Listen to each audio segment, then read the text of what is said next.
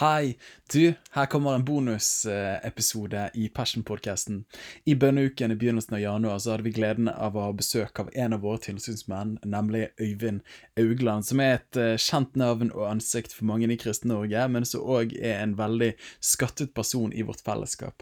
Han er ja, som sagt, en av våre tilsynspersoner sammen med Håvard Berga, pastor i Kristkirken.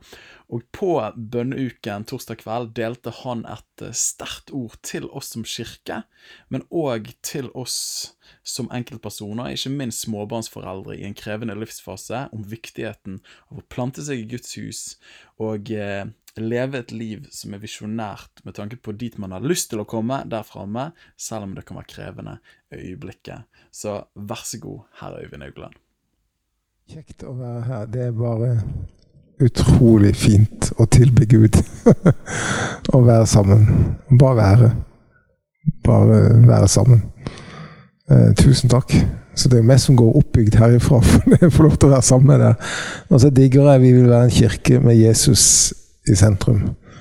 Som eh, mennesker erfarer å komme hjem og delta i oppdraget. Det var jo det du var holdt på med her. Oppdraget. Komme an. Påvirke. Fortelle. Være med og gjøre en forskjell. Fantastisk. Det er Jesus hjem og verden. En nydelig visjon. Det er en utrolig nydelig visjon. Eh, så eh, ja, jeg har sagt ja til det. For jeg vil heie på Daniel, og vil heie på dere. Um, det gjør noe fantastisk bra. Dere vet det. Veldig bra. Det å bare plante seg et sted og si at nå gir vi oss ikke, vi skal bare være her til vi virkelig ser noe reiser seg, og noe blir synlig, og noe påvirker, og noe være med og gjøre noe. Det tar litt tid. Det bare står. Jeg sier det til Daniel. Til Daniel bare står. Kom an! Utholdenhet. Så jeg, altså, jeg sa det til noen, men jeg heter Øyvind Augland. Eh, dialekten røber er fra Kristiansand. Født og oppvokst der. Eh, eh, jeg er pastor og har vært det i 30 år i Frikirka. Evangelisk lutherske frikirke. Der har jeg på en måte vært trofast. Jeg er frelst i Randesund frikirke. 24 år ganger flytta, eller 23 år flytta inn i bydelen Hånes sammen med kona mi. Vi begynte å plante. Vi fikk fire unger på seks år når vi holdt på å plante første menighet. Så tro ikke dere er de første som opplever, opplever noe sånn! Så kom det en, en fantastisk god eldstebror som hadde i menigheten, eldsten min, som sa til meg ikke sikker på om du skal være her lenger, sa han til meg. Det er jo veldig hyggelig å høre fra sin eldste bror. Og så spurte jeg hva da? Nei, du har så mye energi. Vi, vi, du trenger å fordele den litt ut. Du kan ikke bare være her. og det var helt riktig, så da stoppa jeg, og så eh, bodde vi fortsatt på Hånes. og var en del av menigheten, men vi gikk inn til byen. Så talte Gud om Starten bibelskole, og det var bare eh, veldig spesielt. Og den holder på i dag, etter 17 år. Godt hvert år. 17 år i Kristiansand. Eh, så starta vi bibelskole, starta Østsida frikirke, en ny menighet. Så jeg har fått lov til å være i dette menighetsplanting i 30 år. I Norge, Kristiansand, Norge og resten av Europa. Og så har jeg hatt en sånn en eh, idealistisk tanke. Og det er av og til litt krevende å være litt idealist. Men det jeg har sagt er at det du skal snakke om i nasjonen, det må du modellere sjøl lokalt. Og det du skal snakke om i Europa, det må du modellere sjøl i nasjonen. Så Derfor må du leve lokalt, nasjonalt og internasjonalt på samme tid. Og Det er på en måte, det er overbevist om. For du kan ikke snakke i Europa om en historie som du gjorde for lenge siden. Du må snakke om det du gjorde i går. Hva som skjedde, hva, hva du er med på. Så jeg er faktisk hovedpastor i Hånes frikirke, en lokal menighet. Eh, leder et team på seks der. Vi har et disippelhus, så vi har syv stykker boende i nabohus som vi investerer i. Unge folk som vi bare gir vårt liv til, Linda med. Og investerer i og prøver å bety noe for. De sier nå vi betyr noe for dem, så det er jo fint. og så får en lov til å lede M4 i Europa og Exponential i Europa og lede en europeisk bevegelse. Pluss noen andre småting. Eh, og det er litt av livet. Og jeg er utrolig takknemlig til Gud for lov til å tjene Han. Det er mitt privilegium. Det er ikke et krav. Det er mitt privilegium. Så tusen takk for tilliten. Jeg er her først og fremst for å heie på han og holde han litt ansvarlig. Og ha en sånn eh, kvartalsmessig samtaler. Og så tenker vi jeg er her, kommer innom en gang i året. Og så er det jo sånn at hvis noen av dere tenker at uh, uh, Altså, jeg er ingen sjelesørger. Eh, verken kona mi er meg eller gode sjelesørger. Vi er sånn ta deg sammen. Litt sånn opplegg. Vi er ikke så gode til å lytte. Kona mi er veldig god til å lytte, ikke jeg. Så det er mitt livsprosjekt. Jeg prøver å lytte. Så vi er ikke så gode sjelesørgere, men, men, hvis noen tenker at her går det ville veier, så får dere bare ringe oss ifra, så skal vi ta en prat med Daniel. Men det tror jeg ikke det gjør. Men et ord til dere. Jeg ba og tenkte, og jeg har et ord til dere. Så nå kan jeg, hvis jeg har Bibelen foran deg, så kan jeg liksom bare følge det ordet mens jeg leser. På telefonen eller der du er. Jeg skal bare sitte og dele ett Guds ord. Og så bare ber om at liksom det, det, det, går inn i deres hjerte og tanker og sinn. Eh, som jeg er kjent på. Og det er dette. Fra Hebreabrevet, kapittel 12, vers 1-4. Eller tre. Så Hebreerbrevet, kapittel 12. Noen av dere har tenkt ja, det har vi lest mange ganger. Nå skal vi se hva det sier, og hva jeg opplevde det talte til meg, som jeg har lyst til å gi videre. Så la oss derfor Det er en oppfordring. Da vi har en så stor sky av vitner omkring oss. Hva er vitner? Hva er et vitne? Det er jo en som har sett noe. Som har vært til stede når noe skjedde. Og som var involvert og så det. Observerte det. Når det skjedde. Poenget er at vi har en stor flokk av vitner. Og de er viktige for oss. Når jeg tenker at jeg er litt radikal, da slår jeg opp boka 'Pionerer i skjørt', som forteller historien om to jenter, 24 og 26 år, som i 1884 reiste fra Kristiansand kaia til Kina.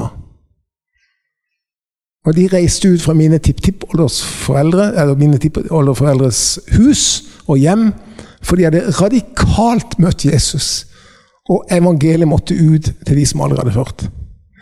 Og så leser jeg historie om noen som var vitner til at Gud er trofast uansett.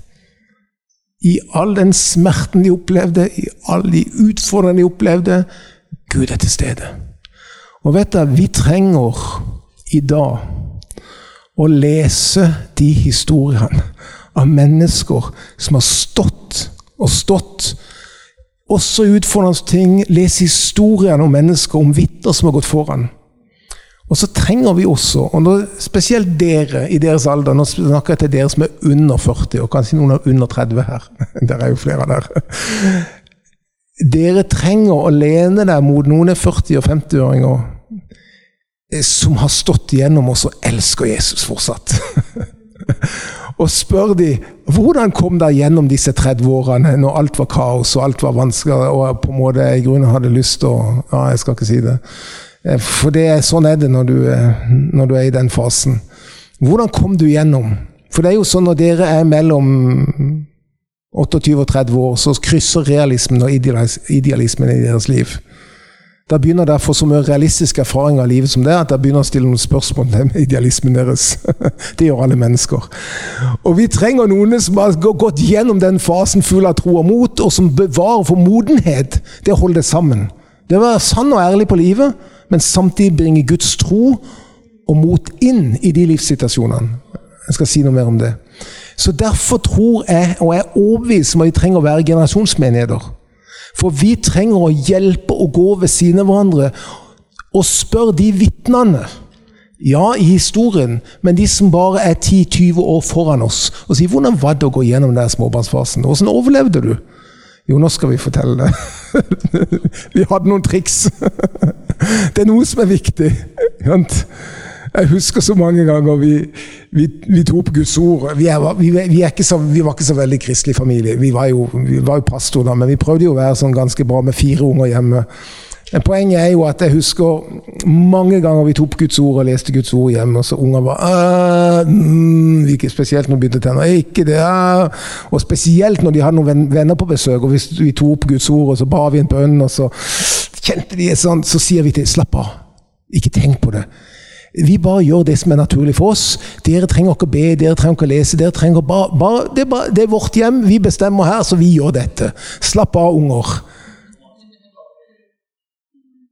Og så slappa de av. Men vi ga ikke opp på det vi trodde var riktig. Fordi de mente noe. Vi sto fast. Disse samtalene kan være lurt å ha med noen som har gått gjennom det der. Og det, det med Det er en stor sky av vitner. Det er lurt å gjøre seg bruk av den skyen av vitner. De som er øyenvitner, har erfart at Gud er trofast i alt. Og de har stått gjennom det. Det er en fantastisk gjeng. Så la oss derfor, når vi har en så stor sky av mennesker som er litt eldre enn oss, eller som har gått lenge foran oss, eller som er døde, som vi har lest om Når vi setter og lærer og forstår hvordan de, de kan vitne om hvordan Gud Og vi tar til oss den visdommen og kunnskapen, så lærer vi også at la oss derfor legge av alt som tynger og synden som lett henger fast ved oss. Poenget er jo at jeg digger Bibelen, for den er så realistisk. Det kommer til å være ting som tynger. Beklager å si det. Det kommer til å være synd som du kjenner søren heller. Nå gikk jeg bare igjen. Men vi er jo ikke kalt å bære det. Jesus bar det. Du skjønner, Noe av det en lærte, det er at vi lærte å legge av oss istedenfor å gå og bære sjøl. Og jeg, det, det Overlevelsesmekanismen i 30 år som pastor har vært å legge av seg. Det, det retter seg. Jeg kunne aldri ha overlevd skulle jeg gått og båret. Aldri. Og det, det, er fra det minste ting. Jeg kan jo kjenne av og til på disse medlemmer som ikke stiller opp, og de skulle ha gjort mer, og noen skulle ditt og noe annet, og hadde, vi hadde planlagt det, og så kom ikke det, og så skjedde ikke det, og alt dette her som kan feste seg som enten litt selvmedlidenhet, eller får du litt kritikk, eller du kjenner det bare litt sånn inni der. Og da sier jeg til Gud det der vil jeg ikke ha. Jeg gir det til deg. Alt det selvmedlidenheten og den kritikken som jeg kjenner på, jeg gir den til deg. Jeg vil ikke ha det. Det bygger ikke opp, det hjelper meg ikke, det ødelegger meg bare. Jeg gir den til deg. Alle disse tingene som, som daglig Vi er ikke kalt til å gå og bære det. Vi er kalt til å legge det av. Og Kristus sier 'Kom an!' Hvorfor går du og bærer på det? Jeg er jo dødd for det. Jeg har gitt mitt liv for det. Legg av alt som tynger. Ikke litt. Alt som tynger. Og synden som så lett henger fast. Og jeg kan jo kjenne av og til at det, Jeg husker Jeg er litt sånn skrudd sammen Jeg er litt optimistisk. altså, Tro er kanskje min hovedgave. Bibelen snakker om gave til tro. Jeg kan på en måte stå i enhver situasjon, og så gir Gud meg tro, og så står jeg bare der. Og så tenker jeg, Men det kan være av og til litt optimistisk. Så sier Yngve Koltvedt, som jeg var sammen med, Øyvind, du er, du er veldig opp, oppmuntret, du er veldig god, men av og til er det litt mer enn kanskje akkurat det som er sant. Og er det det? Ja, eksempel når du sa det, og når du sa det, og når du sa det. Jeg tenkte ja, ja, det var kanskje litt mer Kanskje litt overdrivelse. Kanskje litt positivt tilnærming til det. Altså, jeg vil, jeg vil legge det av meg. Jeg vil snakke sant. Og så måtte jeg si til Yngve Når du hører det en gang, så sier du fra til meg. For jeg vil være, snakke sant. Jeg vil legge av meg disse tingene. Og da trenger vi hjelp fra andre rundt oss. Så vi kan lesse av oss. Det, det, er jo, det, er det er jo Vi skal leve i lyset. Det betyr å kaste lys over hverandres liv. Så vi hjelper hverandre til å kunne legge av oss og kaste av oss den her synden som henger så fast på. Og løpe med tålmodighet. Det er jo interessant at ordet 'løpe' og 'tålmodighet' står sammen. Har du tenkt på det? Det er ikke det, det første når du ser en som løper forbi deg. Det er ikke tålmodighet det første ordet du tenker på. Er det det? Det er ikke det. Men poenget er vi skal legge av oss. For den eneste måten å kunne fullføre dette løpet, det er at vi hele tida legger av oss. Jeg kunne ikke overlevd hvis jeg hele tiden skulle gå dette løpet med å hele tida bære, bære, bære, bære alt mitt eget og alt som henger fast og alt. Det hadde ikke gått. Så for å kunne løpe det løpet som dere, som enkeltpersoner, som familier, som menighet, så må dere lære å legge av der. Og det løpet er ikke et kortsiktig løp, det er et langsiktig løp. Så vær tålmodig, ikke bruk alle kreftene på en gang. Og jeg sier alltid når du planter menighet, så må du posisjonere ut. Du vil alltid mer enn kanskje det det er ressurser til. Du vil alltid mer enn kanskje det det er mennesker til. Da må du være forsiktig, for dette er et tålmodig løp. Det, det kommer, men ikke prøv å gjøre alt på en gang. Slapp av! Bygg! Gjør det viktigste først. Hold fast på de viktige tingene. Og det er noe med å løpe med tålmodighet. Det er fantastisk. I den kamp Jeg beklager å si det, men det er en kamp. Og jeg, det, altså jeg tror jo at lovsangen og bønnen er, er, på en måte Det var derfor de sendte de rundt disse murene, og det var derfor de sendte de først i krigen, lovsangerne, ikke sant, i Gammeltestamentet, hvis dere har lest det.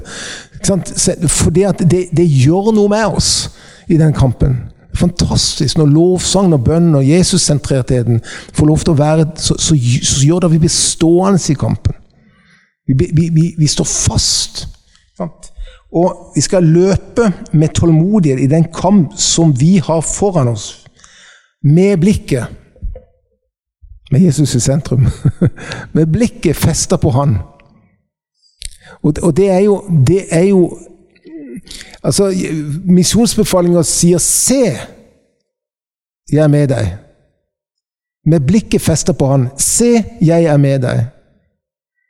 Og Det handler veldig mye om se. Og, og, og eh, jeg tror det er ikke andre Korinterbrev 3, 16 sier eh, Når vi ser Hans herlighet, så blir vi forvandla til det samme bildet. For når vi begynner å se og fokusere på Han, så skjer det noe fra innsida. Det er da forvandlinga skjer. Det er ikke ved å ta oss sammen. Du kommer aldri vi, vi, ønsker jo å følge Jesus. Fantastisk det du sa. Og jeg digger det du sa, at i grunnen så kommer vi til å holde på med det. Sånn, sånn er resten av livet. For resten av livet Vi ønsker å følge Jesus. Men, men forvandlinga skjer når vi retter blikket på han og holder fokus på han. Og forvandlinga skjer når vi skjønner at alt det vi har og er, kan vi legge ned hos Han. Vi trenger ikke å bære det. Vi kan kle av oss dette gamle mennesket som vi kjenner på. Hver dag. Og det er fantastisk. Vi kan kle av oss. Legge det av oss. Og så setter vi blikket på Han. Som er troens opphavsmann og fullender. Og det er interessant. Han har tro nok for enhver situasjon du kommer til å komme opp i. Og jeg har erfart igjen og igjen. Jeg har stått i umulige situasjoner. Og så bare kjenner jeg Guds gave av tro inn i den situasjonen. Og så står den. Det er fantastisk.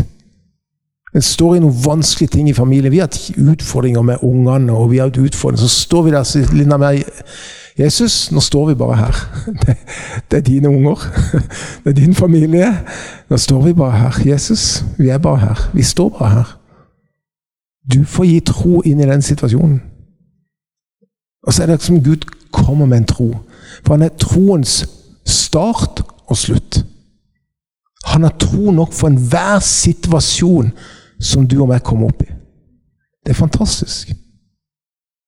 Og det, det er for å oppnå Og det er jo det, vi, vi skal jo oppnå noe. Vi, vi skal jo, vi, Menigheten har jo en retning. Sant? Vi skal være med og bringe Guds rike ut til mennesker. Være med å disippelgjøre mennesker, føre mennesker inn i Guds rike. Vi, vi har en hensikt, vi skal gjøre Guds rike synlig i denne verden. For å oppnå det han hadde i vente. Eller det står det For å oppnå den glede han hadde i vente, led han tålmodig korset. Det er jo Det er jo interessant at for å oppnå glede og lidelse kommer i samme setningen. Løpe og tålmodighet.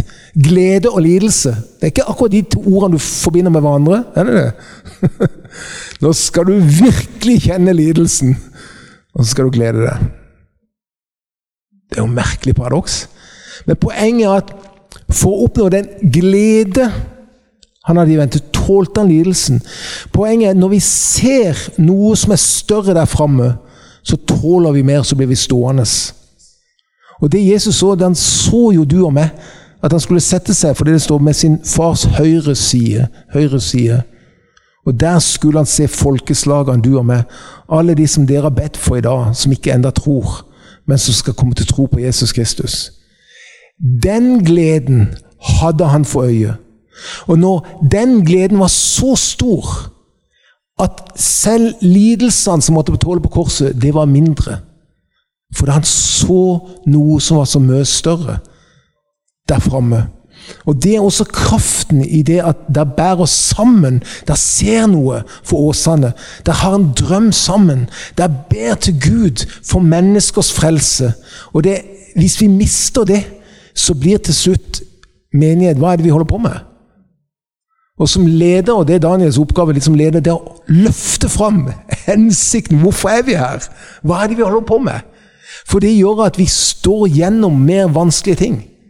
Også når det vanskelige kommer, når prøvelsene kommer. For å oppnå den glede som ventet han, led han tålmodig Igjen tålmodig. Jeg syns det er fascinerende ord. Korset. Uten å akte vanæren. Og Vi kommer til å gå inn i en tid der det blir tøffere å være kristne. Der, der merker du på arbeidsplassene, der merker du på skolene. Det, merker, det, det blir tøffere. Med blikket festet på Han, som er troens opphavsmann og fullender. For å oppnå den glede som hadde ventet, led han tålmodig korset. Uten å akte vanæren. Og nå satte seg på høyre side av Guds trone, for det var det han så.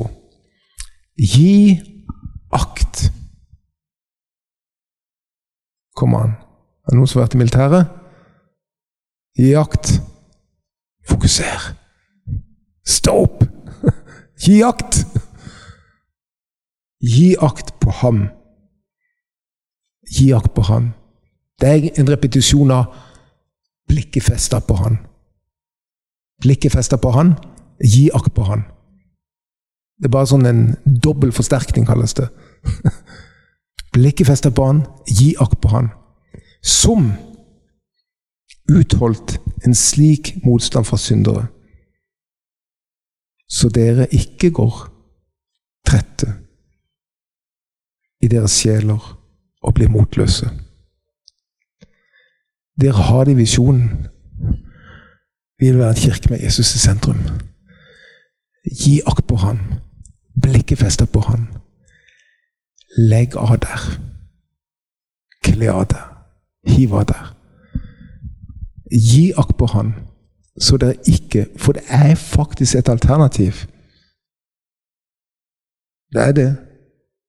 Å oppleve å bli trette i deres sjeler og bli motløse.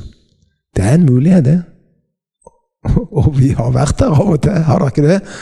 Kjent på den litt sånn motløsheten snike seg inn, og en blir bare trett. Sant?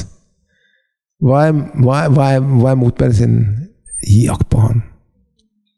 Gi akt på han. Tilbe han. Se på han. Han har nok tro. Og jeg tenker, det jo, det jo, Dette ordet er jo fantastisk, for når, for når, vi, når vi, ser det og griper det, så gjør det noe med våre hjerter, våre sinn, våre tanker, vårt liv. Så Det var det jeg kjente på jeg skulle si. Det er jo et enkelt ord. Bare dele litt av det som står der. Og jeg, jeg syns det er fantastisk. Av og til så tar jeg noen, noen, ord eller et, en, et kapittel, så leser jeg det igjen og igjen og igjen og igjen og igjen. og igjen. Bare la det, bare la det liksom, sauses inn i det, og så begynner det å skje noe. Og så blir ordet levende. Og så, og så forvandler den. Det, det er jo fantastisk. Jeg heier på dere. Ber for dere.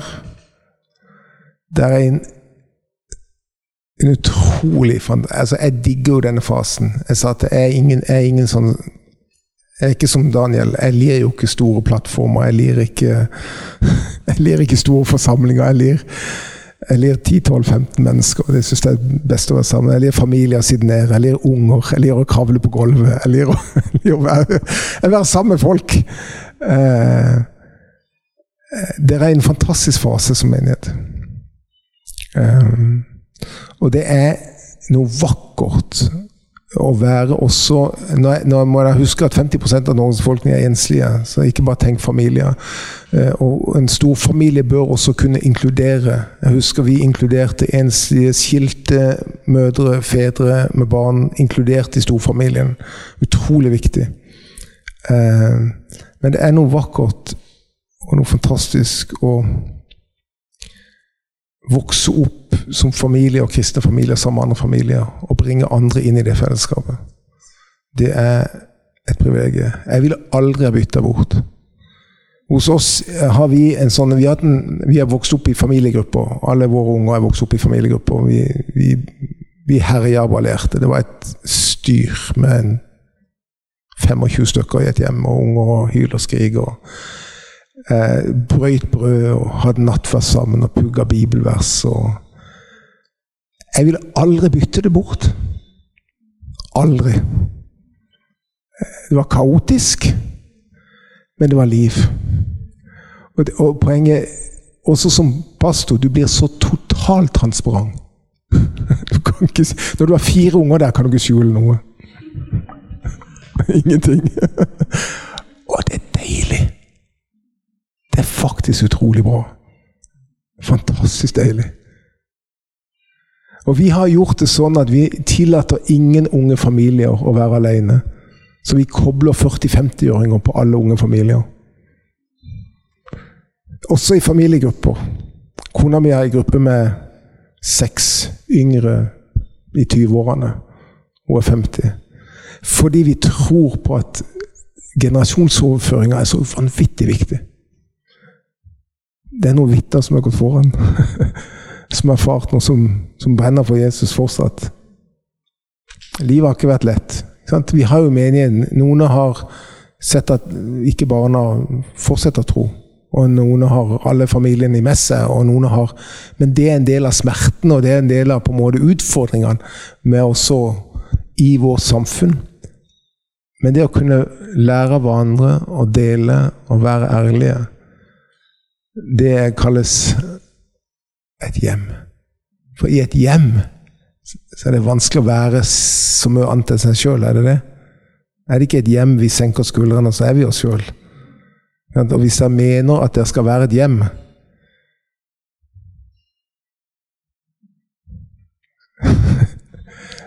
Så er det ikke sånn eh, åndelig eh, hypocrisy. Altså eh, hykleri, da, da, er vi de vi er. Og jeg må si vi har fått lov til å leve i et fellesskap tett med andre mennesker hele tida. Eh, andre voksne som har kjent våre barn, som har sett våre barn. Jeg vil aldri bytte med noe. En lokal menighet der en vokser opp sammen i generasjoner det er fantastisk. Så selv om det går litt seint, bare stå. Løp, men tålmodig. Det kommer til å lykkes. Det kommer til å se et gjennombrudd. Det kommer til å gjøre det. Det er overbevist om. Det var i grunnen det jeg hadde. Men nå kan jeg spørre spørsmål. Har du spørsmål? Jeg, for, nå kan jeg tenke på spørsmål. Jeg vil bare be for deg først. Jesus, jeg bare takker deg for den du er. Eh, takk for tilbedelsen jeg fikk lov til å være med på her. Vi bare vil løfte opp ditt navn. Ingen er som du. Og livet går opp og ned. Ja, vi kjenner synd og ting som tynger. Ja, vi kan kjenne på motløshet og at sjelene blir trette. Det er på en måte sånn også det er i livet. Men der er du. Midt i det er du. Og så sier du 'kom, legg av'. Ikke gå på ær. Nå har jeg bare lyst til å ta, be om at du, hver enkelt her inne, skal få lov til å legge av nå hos deg. Alt som tynger. Syns som du kjenner på henger fast. Motløshet og tretthet. Jeg bare løfter det i Jesu navn. Løfter det i Jesu Kristi navn. Kom med bare en forfriskende vind over menigheten.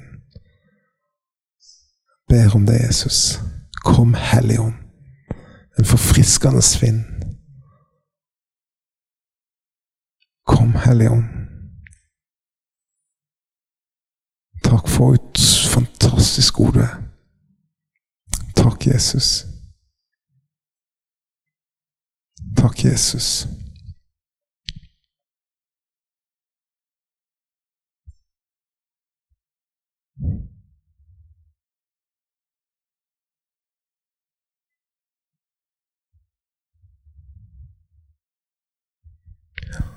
Amen. Du sa det jo i stad, så tusen takk for støtte. Jeg er jo 70-80% av min tid er misjonær i Europa. Så jeg, i morgen skal jeg til London. Møte lederen i den anglikanske kirka og se hvordan vi kan fyre på litt gjennom Exponential i, i England. så, så tusen takk for både bønn, økonomisk støtte, det at jeg heier på. Det betyr mye. Det betyr mye. Så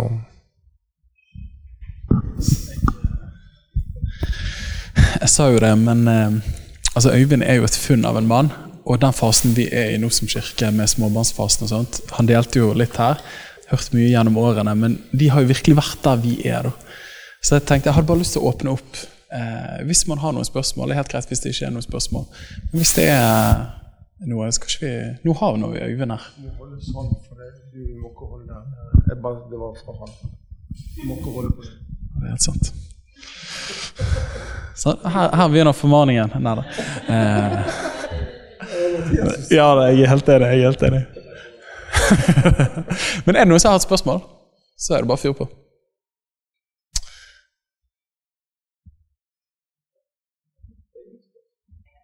Ja.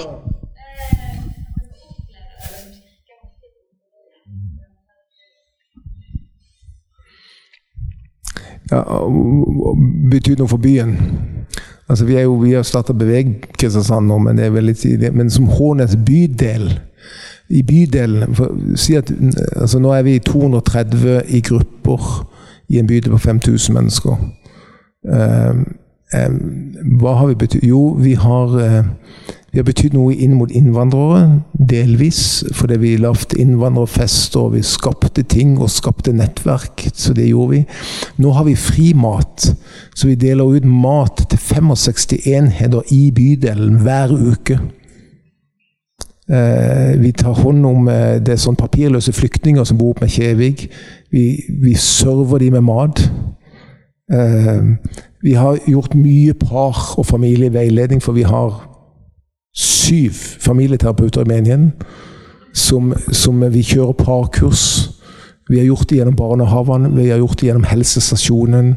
Vi har prøvd å jobbe preventivt på, på de områdene innenfor par. Vi har prøvd å bruke det vi har i menigheten, på en måte, og så være med og tjene gjennom de gaver vi har, og de initiativ som er der. Eh, eh, jeg tror eh, vi har langt igjen til på en måte være med å påvirke. Det er klart Vi har, vi har 30% av alle preteen i bydelen inne i kirka på jevnlig basis.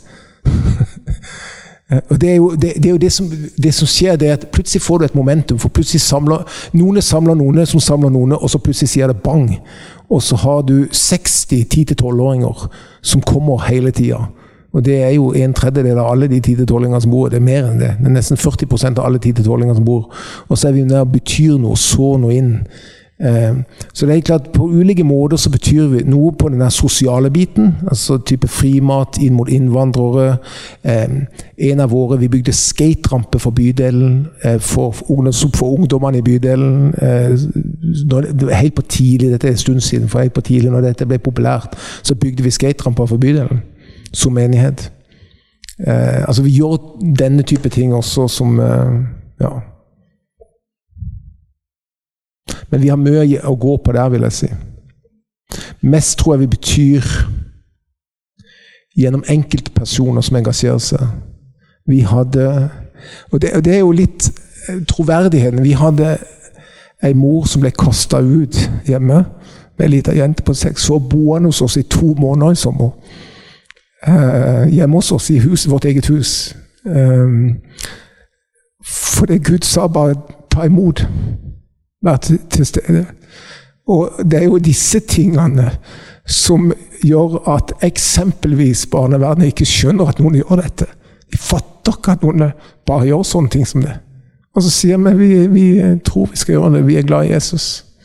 Vi ønsker å tjene, vi ønsker å bety noe. Eh, og så ta den inn Og vi har flere som er blitt fosterforeldre. Vi, har, vi, oppfordrer folk til, til å bry seg. Vi, vi, sier ofte også som menighet at vi, For oss som menighet så sier vi at det viktigste er mindre grupper. Det er ok hvis du kommer på gudstjenesten, men engasjer deg i nabolaget. Så veldig mange er fotballtrenere, håndballtrenere. Eh, engasjerer seg ut eh, og betyr noe på den måten ut i nabolaget. De fleste Vi har stort sett har FAU-lederne og styrelederne på skolen i 20 år. Eh, i lokale skolen, altså den offentlige skole. Fordi folk tar engasjement og er til stede. Så vi har, vi har runna uh, Guds, altså ikke Guds, 17. mai-feiringene i bydelen. De, veldig ofte har det vært folk fra Frikirka som har eh, leda det meste. Ta ansvar, være til stede.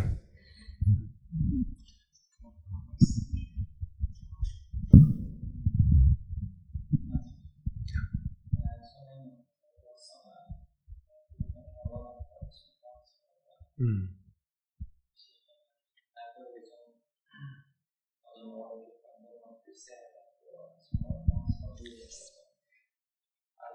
Mm.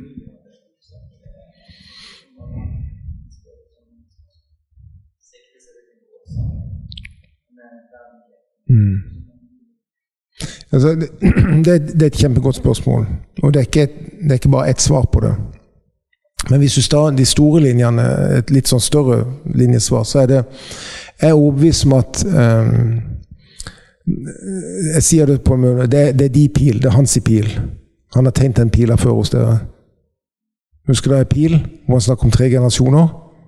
Og hvor pilspissen er en ung generasjon, 0 til 35. Så poenget er enhver menighet må ha overvekt fokus på 0 til 35 for å overleve til neste generasjon. Det er helt klart at Hvis du er bare er småbarnsfamilie, så er du sårbar på noen områder. og Det er bra å få connecta. Men jeg tror at den unge generasjonen når best sin, sin egen generasjon. Mellomgenerasjonen når best mellomgenerasjonen, og de eldre når best de eldre. Det er nå bare ca. sånn det er, bortsett fra evangelistene, som alltid går gjennom alle grenser og gjør akkurat hva de vil, og når alle mennesker og snakker med alle mennesker. Vi har Stian Hansen som er evangelistpastor hos oss han snakker med mennesker om Jesus overalt, til tid og utid, at nesten halve menigheten er flau på hans sine vegne. Men det er bare så ufattelig deilig! For han utfordrer religiøsiteten, han utfordrer alt det der stive. Eh, men jeg tror jo at dere må bare fokusere på den generasjonen dere. Men være veldig obs på at det er bra å få inn noen godt voksne også. Men jeg tror primært sett ikke dere kommer til å nå 50-åringene. Der når deres egen generasjon der når. Så fokuser på den generasjonen der primært sett er, og vær, tenk hvordan når vi den generasjonen i Åsane. Og takk Gud for alle de, som, de, tre som er over 40 år her, eller 50 år. Takk Gud og bare si vi trenger deg. Tusen takk for det her. Vi, når vi planta menighet kjære, med fire små unger Og kona leda lovsang, og jeg talte. Jeg husker en gang jeg skulle ha nattverd, så kom en av ungene mine opp under bakenfra, dro ned nattverdbrødet under bordet. og hele den lille gjengen i gymsalen lo så de fryda seg! og, og de knekker de der religiøse greiene. Altså Det gjør oss, få oss ned på marka. Altså. Eh, og vi måtte jo alliere oss med to familier som vi kunne sette ungene våre på fanget mens vi holdt på. ikke sant? Og Da er det godt å ha noen fang å sitte på. Som, for hvis de andre familiene, småbarnsfamilier, har i grunnen fullt sine fang og har nok med å liksom Kan du ikke si det? Kom an! Altså, har nok med det der. Da er det godt å ha noen voksne som faktisk eh, er der.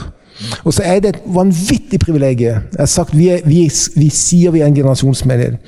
Når du lærer disse barna, eh, som da er fem og ti og tolv år, å se nedover og sier du, du som er ti år det er så ut, Vet du, når du så den femåringen, ser du og han løper etter deg, det betyr så mye for han. Så det vi ser når vi bygger en generasjon, med det er at plutselig, når da femåring kommer inn og ser i kirka, så ser han en tiåring som han syns er bare ufattelig kul. Og så løper han rett etter han. Og henger med han og slåss med han og herjer med han. Og så tenker foreldrene Det er jo heldig vi er. Det der er bra. Men det er jo fordi vi er fellesskap. Det skjer ikke hvis du stikker innom en gudstjeneste en gang annethvert år eller annenhver måned. Det skjer fordi at du lever sammen. Ikke bare på gudstjeneste, men utenfor gudstjeneste. Du, du, treffer hverandre, du kjenner hverandre. du på en måte, Så skjer det når du kommer tilbake, kommer inn, når du storsamles, så er barna trygge, også på andre voksne. Og, de, og den tryggheten der skaper noe, og er utrolig viktig.